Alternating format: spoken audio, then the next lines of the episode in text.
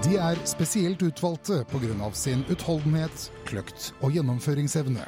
De er kjent og respektert blant våre allierte for sin enestående kampmoral og evne til å løse de tøffeste oppdragene. De er omgitt av mystikk, hemmelighold og myter. De er Forsvarets spesialstyrker.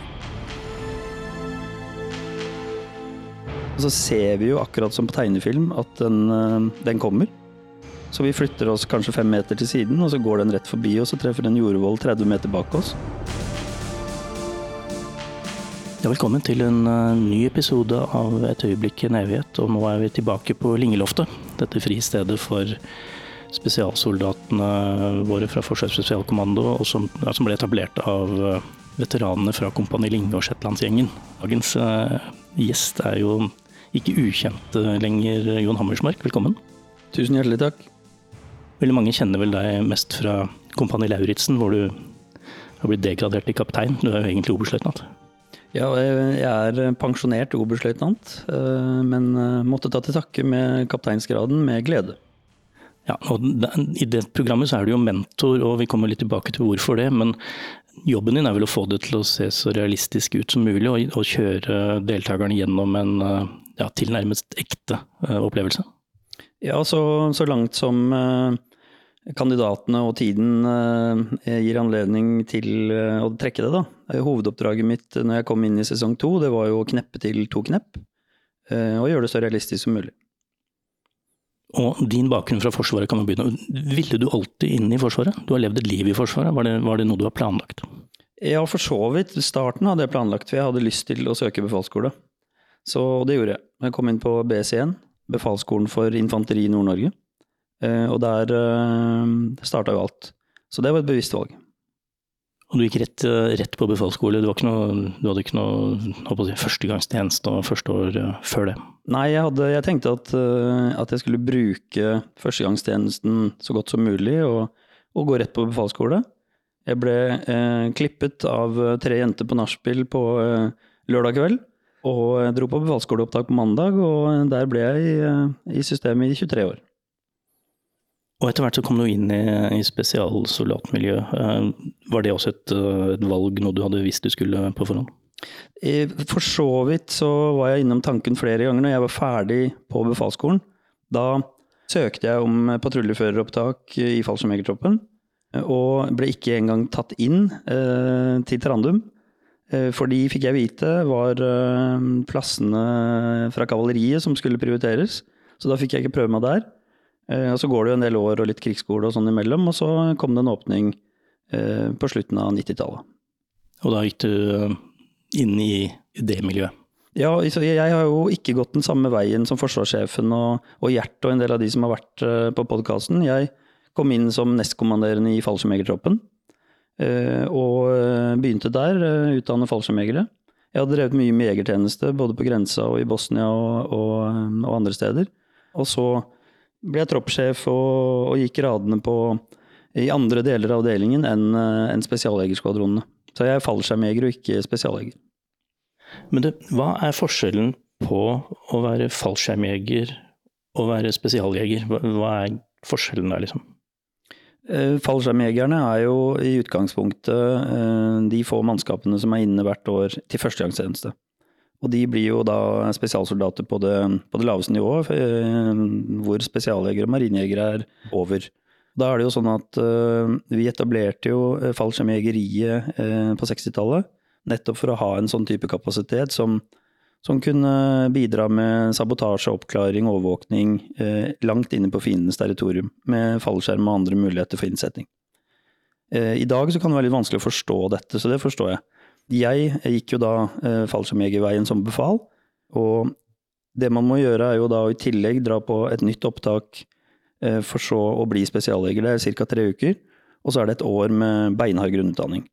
Og da kan du tjenestegjøre i eh, Alfa Bravo-skvadronen til, eh, til, FSK som spesialjeger. Jeg gjorde jo ikke det, men jeg prøvde.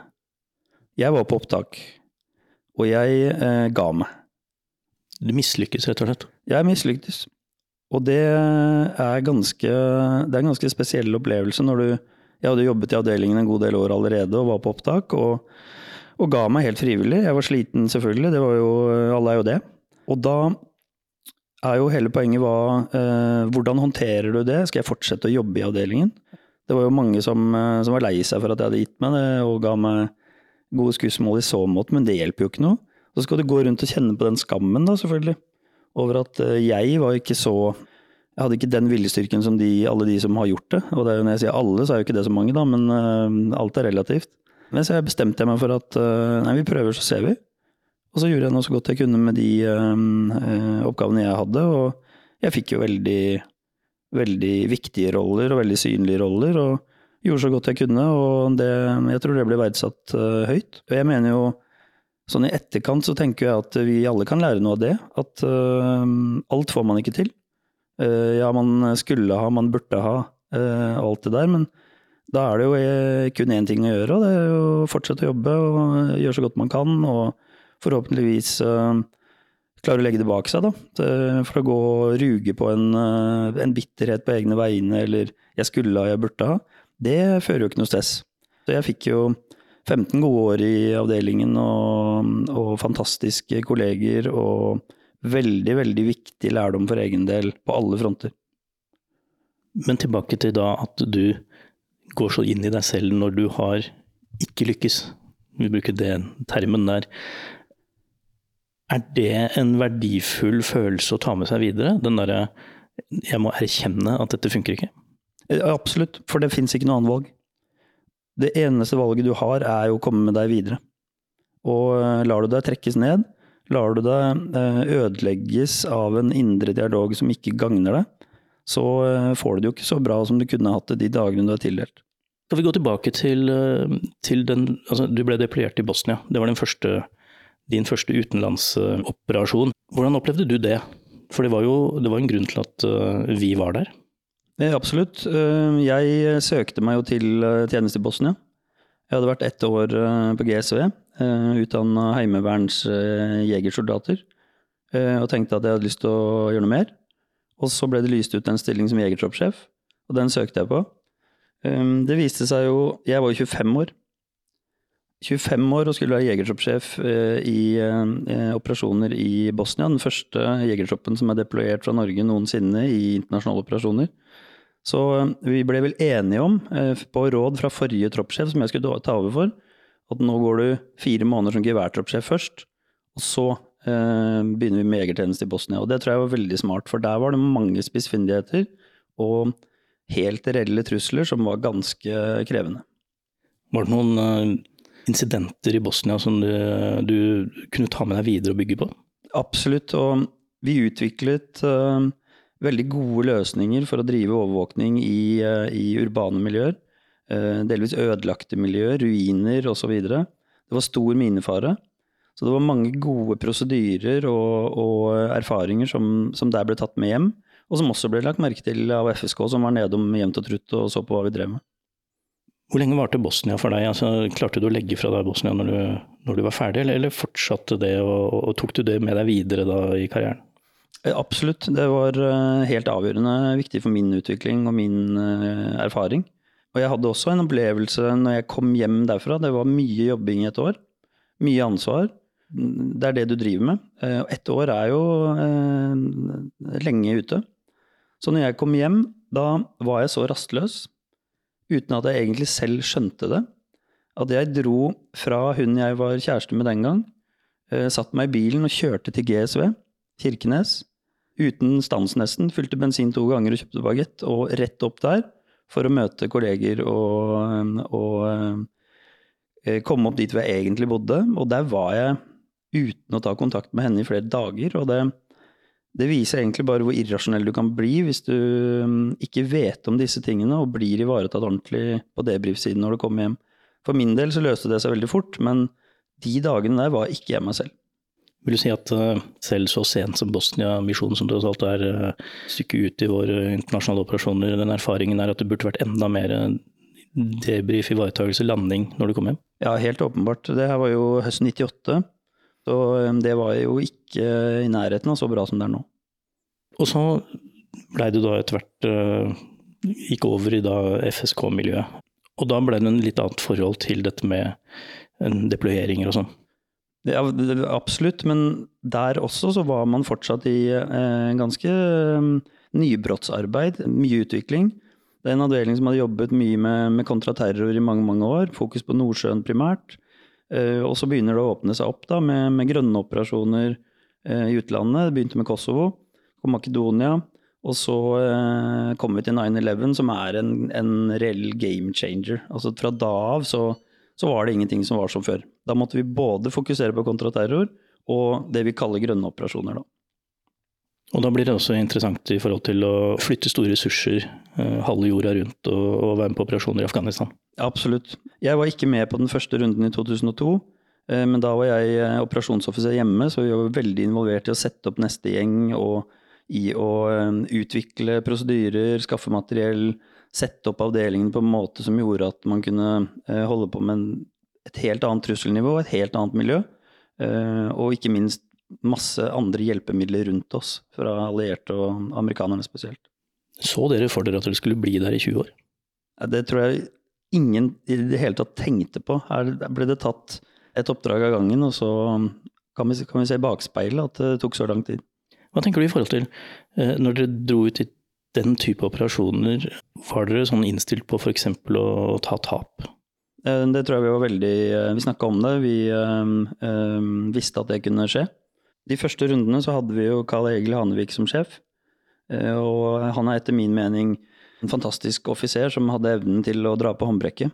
Evnen til å ta det litt rolig og ikke bare kaste seg ut i ting. Så jeg mener at Kalle har en stor del av æren for at vi gikk inn i et ukjent domene på en smart, klok og ettertenksom måte.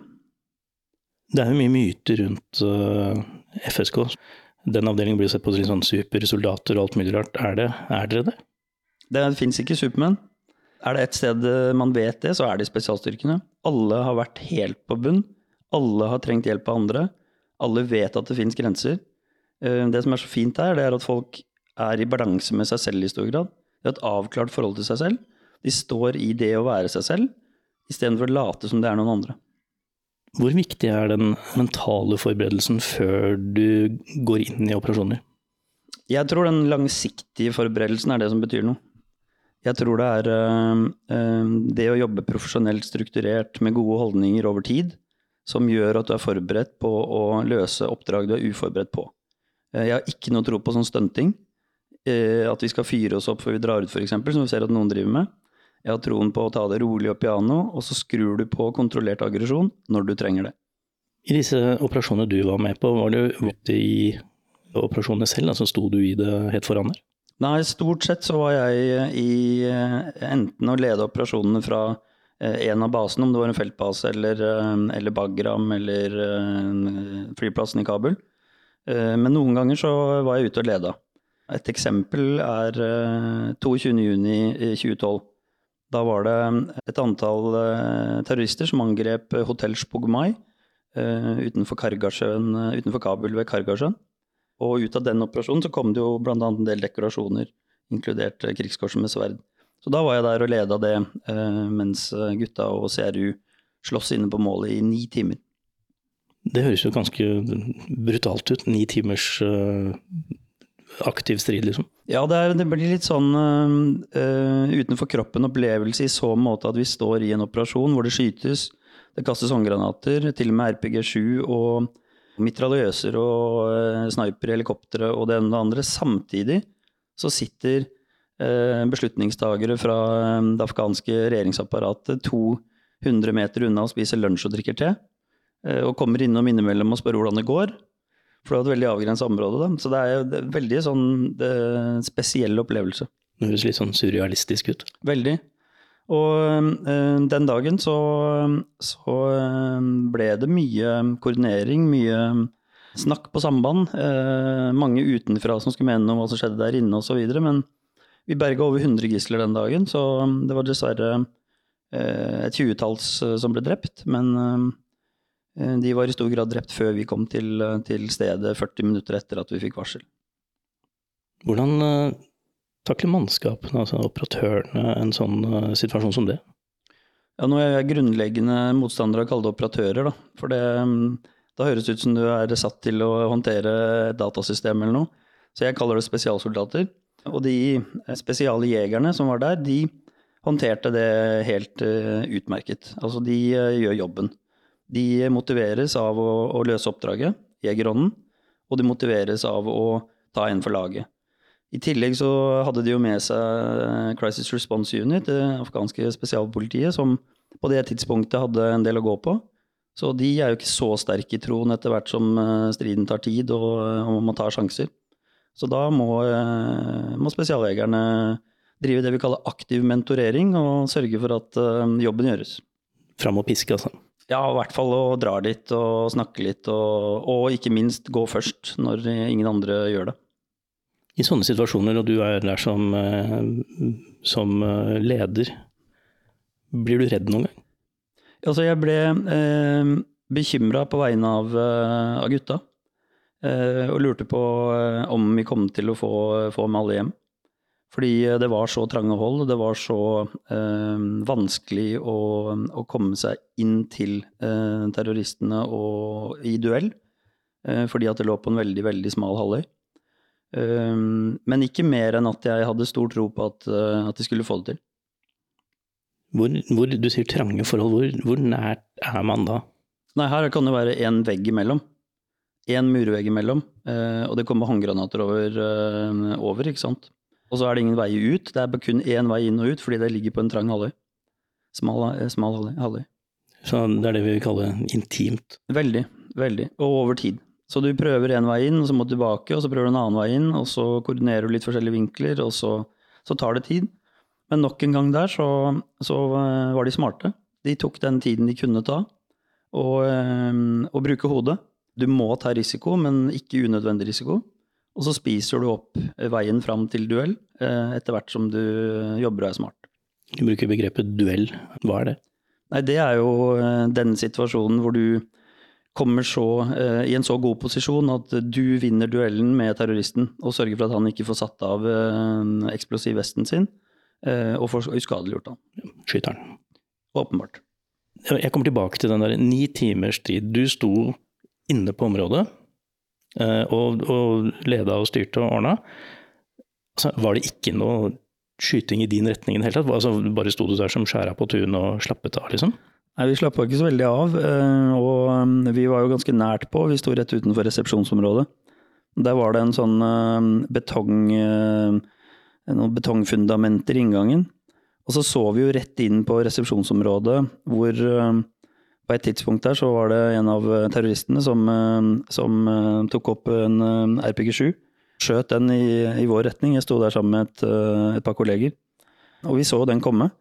På søylene så satt det jo en spesialjeger på hver side. Og det var kanskje to meter åpning eller noe sånt. Og så ser vi jo akkurat som på tegnefilm at den, den kommer. Så vi flytter oss kanskje fem meter til siden, og så går den rett forbi oss og treffer en jordvoll 30 meter bak oss.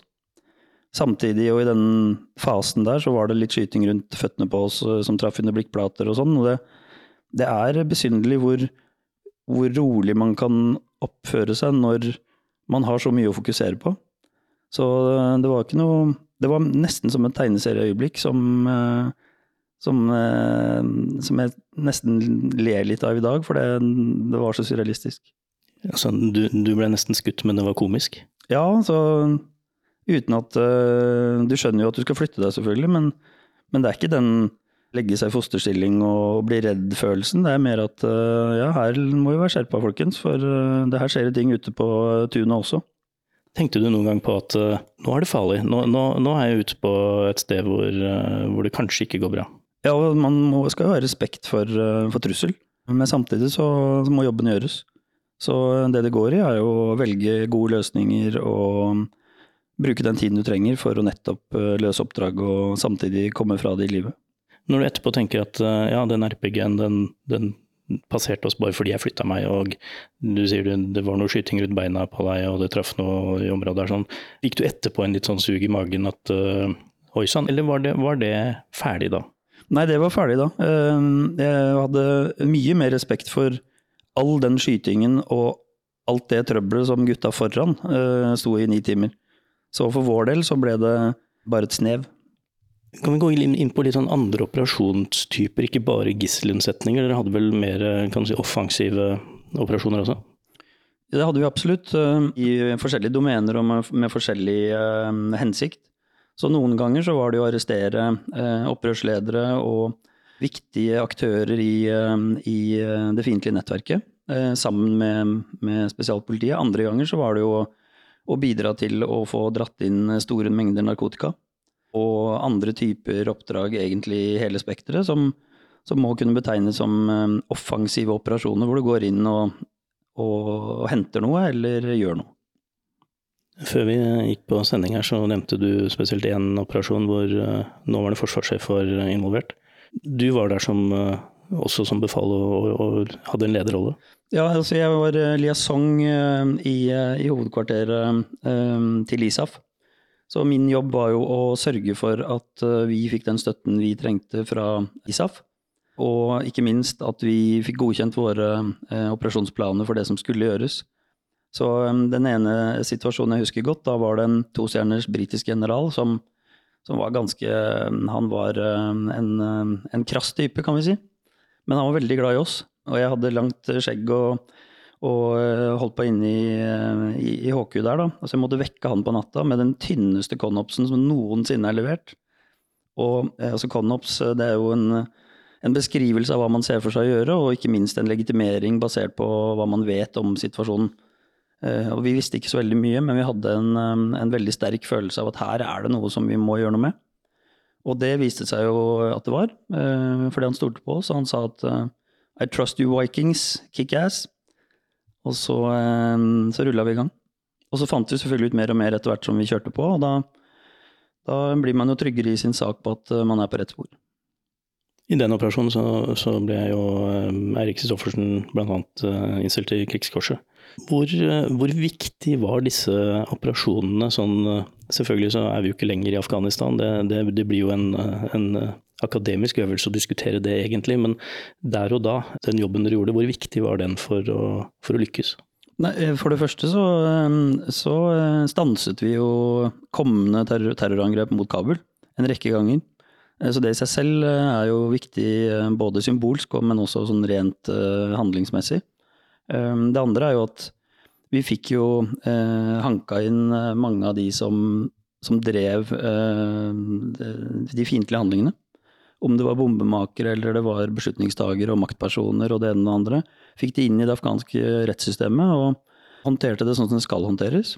Det, det er ingen som kan i etterkant si at ikke det var en viktig jobb i den operasjonen og den strategien som vi var en del av. Var, vi har fått masse skryt fra både amerikanerne og andre allierte som som eh, eh, sa at vi gjorde en avgjørende viktig jobb. Og når du i tillegg har ansvar for Kabul og omegn, som er hovedstaden, så, så, er det klart det blir viktig. Vi kommer ikke til å gå så veldig dypt inn i selve Afghanistan-exiten og det, men eh, den tiden du var der, hvor, hvor, mange runder fikk du i Afghanistan? Jeg var der i 2003, 5, 8 og 12. Så jeg har vært der på fire deployeringer, og det er jo sånn ja, Det er jo ikke veldig mye i det miljøet som jeg har vært i. Men jeg var litt på stabsskole og litt sånn ymse innimellom så jeg kunne ikke få med noe mer. Så du noen endring i situasjonen underveis? Kunne du se en forbedring eller en forverring av, av situasjonen? Ja, det er begge deler, da. Altså, hvis vi går helt tilbake til 2003, som var min første, så var det jo helt andre forhold. Da var det jo eh, et samfunn som, eh, som ikke fungerte på veldig mange fronter. Og så gradvis opp mot 2012, som var min siste, så blir det jo et mer fungerende samfunn. Men samtidig så eh, Cirka rundt 2005 så snudde jo den eh, posisjonen eh, vi allierte hadde i Afghanistan. Jeg mener jo at vi kunne vunnet da. Men så eh, skjedde det masse som gjorde at vi ikke hadde den samme eh, kraften igjen i Afghanistan. Det kom politiske eh, ønsker om at vi skulle demokratisere og jenteskoler og alt det her, og det kan ikke et militært system gjøre. Og gradvis da så begynte vi å tape terreng, og opprøret kom eh, gradvis mer og mer i gang. Du så det også i nord, der hvor eh, store deler av hæren har vært. Og da begynte vi å tape. Rundt 2005-2006. Nå er det jo lett å komme inn på, på alle disse årsakene, men, men faktum er jo at uh, koalisjonen tapte krigen i Afghanistan, rett og slett. Ja, jeg er jo ikke enig i den vinklingen, da.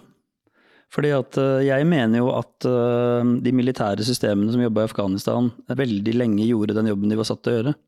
Problemet var at ressursene for å fylle på og gjøre eh, Afghanistan eh, bedre for afghanere, ikke var der. Så det, når folk ikke får det bedre og begynner å tro at opprør, altså Taliban kommer til å, å, bli her mens de allierte drar, da har du utgangspunktet tapt. Nå står vi midt oppi en annen krise, og den er eh, mye nærmere. Den er i Europa. Vi diskuterte også litt før her eh, om, om dette med viljen til å gjøre motstand går det an å trekke paralleller fra Afghanistan, og så ser vi hvordan befolkningen i Ukraina har stått imot det russiske angrepet. Er, er, dette med forsvarsvilje så viktig som vi tror det er? Ja, altså jeg eh, er veldig opptatt av forsvarsvilje. Det er jo også en av grunnene til at, at jeg er glad for at jeg takket ja til å bidra i Kompani Lauritzen også, som jo er eh, i denne sammenheng eh, ikke midt i kjernen, men jeg mener jo at center of gravity, som vi kaller det militært, når du skal virkelig finne kjernen i hva som er dine styrker og svakheter, og, og drive operasjonsplanlegging. Center of gravity i Norge mener jeg er forsvarsvilje. Og det er åpenbart at forsvarsviljen vår, eh, den baserer seg jo på så mangt. Det ene er jo eh, står jo litt eh, er truet nå, da, for å si det sånn, i, i så måte at, at, det er færre og færre som er i førstegangstjeneste. Så det er færre og færre som har et som har et forhold til Forsvaret personlig. Og da tror jeg at alle mulige gode tiltak for å opplyse, for å, for å mane til forståelse for at det demokratiet og den friheten vi har, det, det kommer ikke av seg selv, det må jobbes for. Noen må stå klar til å fortelle en motstander at her er kostnaden for høy, eh, hold dere unna. Det, derfor er jeg opptatt av forsvarsvilje. Tenker du at eh, det er en eh, en nødvendig vei å gå få flere generasjoner involvert i Forsvaret, enten via førstegangstjeneste eller, eller å utføre en, en fysisk tjeneste? Ja, jeg, altså, jeg, jeg, tror det er uh, nyttig av mange årsaker. Altså, det er jo tross alt ikke Forsvarets jobb å oppfostre neste generasjon og gjøre det foreldrene ikke gjorde. Um, for det blir for dyrt. Uh, men samtidig så er det mye man kan gjøre med en kortere førstegangstjeneste. F.eks. seks måneder. Og så vil eh, noen kunne benyttes i Heimevernet. Andre blir bare hengt i møllposer, eh, altså papirene, da. Eh, for det ser du jo både i Afghanistan og Ukraina og alle andre steder hvor det er motstand.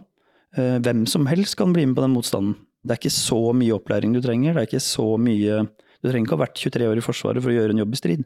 Men det er veldig nyttig å ha noen gode folk som kan lære opp, og som kan lede, og som kan dra med seg denne gjengen, da. Så jeg, jeg er jo veldig glad i Heimevernet, eh, fordi at det nettopp er tufta på en sånn type tankegang. Når vi spiller inn dette, her, sånn, så er du jo i Kjømda med en ny sesong med Kompani Lauritzen. Og denne gangen, så vidt jeg har forstått, så er det ikke bare superkjendiser som skal være med heller. Hvordan vil Kompani Lauritzen fremstå for ungdommen, tror du? Altså, er, det, er, det, mange som tenker seg at ja, det er sånn det er å være i førstegangstjenesten, da skal vi gjøre alle disse stuntene og alle De skal hoppe tårnhopp og rappellere og krabbe i gjørma og, og, styre på.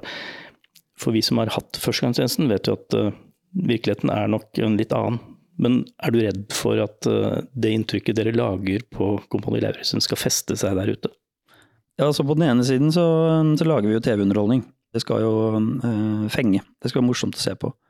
Eh, men vi, eh, altså ideen og grunnlaget for Kompani Lauritzen baserer seg jo på at Dag Otto var fallskjermjeger på 70-tallet. Og så har vi jo hentet mye av ideene til eh, selve rammeverket fra fallskjermjegere på taket, og den kulturen. Og så strikker vi det sammen til et opplegg som er ganske Altså det går på høy intensitet i den måneden det står på, og det er nok vesentlig flere morsomme happenings her enn man vil oppleve i en normal førstegangstjeneste. Um, og jeg er litt bekymret for at uh, ungdommen skal gå rundt og tro at uh, det er rappellering og tårnhopp og, og fallskjermhopping uh, overalt i Forsvaret hele tiden. så det, det, håper jeg at, at noen kan forklare de. Men samtidig så er det jo veldig parallelt. Altså om man er på GSV, eller om man er på Skjold, eller om man er på Rena. Det spiller ikke så stor rolle på det som går på personlig utvikling som går på mestringsfølelse, som går på å lære seg at du kan mer enn du tror, hvis du bare vil nok. Alle disse tingene er jo det som egentlig er kjernen. Og det gjør vi jo med Nå tar vi jo en runde med kjendiser nå eh, eh, som vi skal begynne å spille inn nå i slutten av august. Og så har vi allerede spilt inn en sesong med unge voksne som sliter med overgangen til voksenlivet. Den kommer i slutten av oktober. Der kommer du til å se veldig sterke historier på folk, altså ungdom, da, som sliter med sosial angst, med tilpasning, med å stå opp om morgenen, eh, med å oppføre seg, og som tas av oss, og som eh, lærer. Og det er noen fantastiske historier. Så det er mye av det som er reelt, men eh, det er mange happenings, mange mestringsøvelser som, som de fleste ikke vil eh, få særlig befatning med i første førstegangstjenesten. Må tilbake til annen verdenskrig for å finne den stemningen, denne motstandsviljen, som tross alt øh, ikke var der i begynnelsen heller. Den kom jo gradvis under okkupasjonen. Er det sånn at vi burde ha fokus på litt mer moderne hendelser for å kunne bygge denne forsvarsviljen? Eh, jeg tror eh, vi, vi, kan lære enormt mye av andre verdenskrig. En av tingene som jeg tror vi åpenbart eh, kan lære, det er jo hva konteksten du lever i kan gjøre med viljen din til å enten slåss, flykte eller ikke gjøre noe. Og jeg er ikke spesielt tilhenger av de som, som dømmer så klart nå i bakspeilet med hensyn til andre verdenskrig. Fordi at uh, situasjonen var sånn som den var, og så ble det som det ble. Um, men i dag så er det ikke gitt at alle ville ty til våpen eller gjøre noe uh, dersom Norge blir angrepet. Og det er jo nettopp derfor vi må ha fokus på forsvarsvilje. På forståelse for at det er noen som driver med noe her som har til hensikt å unngå krig. For det er jo hovedmålet med forsvar. Ellers hadde vi vel kalt, kalt det angrepet. Ja, du, du, jobber i angrepet, liksom? Ja, ikke sant. Så, og uten å bli for filosofisk, så, så har jo historien lært oss at uansett Eh, der mennesker ferdes over tid, så blir det konflikter. Eh, og vi kan håpe på noe bedre, men det er ingenting som tyder på at vi ikke trenger et sterkt forsvar i Norge eh, med det vi ser rundt oss. Det har jeg ment i alle år. Men når vi ser på Ukraina, så er det vel to streker under det svaret. Og hensikten er å unngå krig. Dette er en av mange unike historier om selvoppofrelse og mot fra våre soldater. Her lar vi soldatene selv fortelle om de intense øyeblikkene, akkurat slik de opplevde det. Historier som rett og slett er blitt et øyeblikk, en evighet.